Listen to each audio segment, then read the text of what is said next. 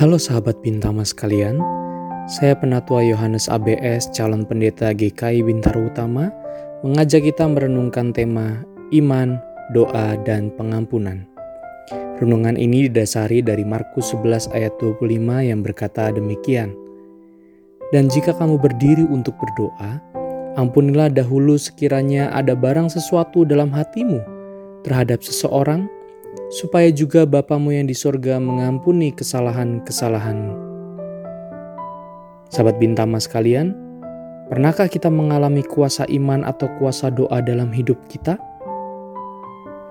Yesus menggambarkan kuasa iman dan doa yang begitu hebat, yaitu sanggup memindahkan gunung dan melemparkannya ke laut, seperti di Markus 11 ayat 23. Luar biasa bukan? Namun apakah itu benar-benar bisa terjadi?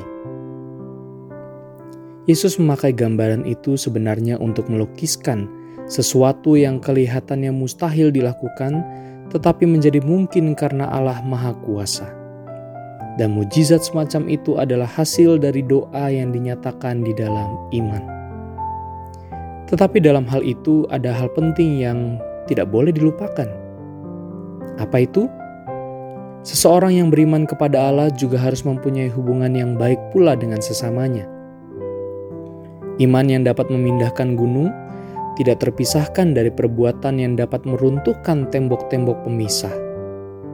Dan Yesus dengan spesifik menunjuk kepada tindakan mengampuni kesalahan sesama. Di dunia yang penuh dengan individualisme dan persaingan, Seringkali kita sulit meruntuhkan tembok kebencian dan permusuhan antar sesama manusia. Dan karena itu pengampunan kepada sesama sebenarnya merupakan salah satu tanda iman yang penting. Mungkin bisa saja orang mengira bahwa tiadanya pengampunan merupakan ganjaran terhadap musuh kita. Padahal hati yang keras dan tidak mau mengampuni dapat lebih tinggi daripada gunung yang hendak dipindahkan itu dan dapat menghalangi karya Allah dalam hidup kita. Kenapa? Karena jika kita keras hati dan tidak mau mengampuni, maka kita patut dipertanyakan apakah kita telah menerima pengampunan Allah dan menghargai pengampunan itu atau tidak sama sekali. Dan ironis saja sih, ketika kita mengucap syukur dalam doa, tetapi pada saat yang bersamaan, kita juga menaruh dendam dan benci terhadap sesama. Ucapan doanya bisa baik, tapi suasana hatinya buruk.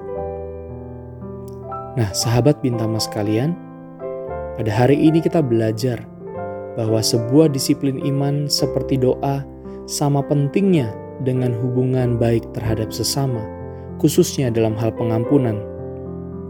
Iman yang baik tidak hanya diwujudkan dengan doa yang terucap dengan kata-kata indah, tetapi harus dilandasi dengan hati yang mengampuni hati yang tidak dibelenggu kebencian dan permusuhan.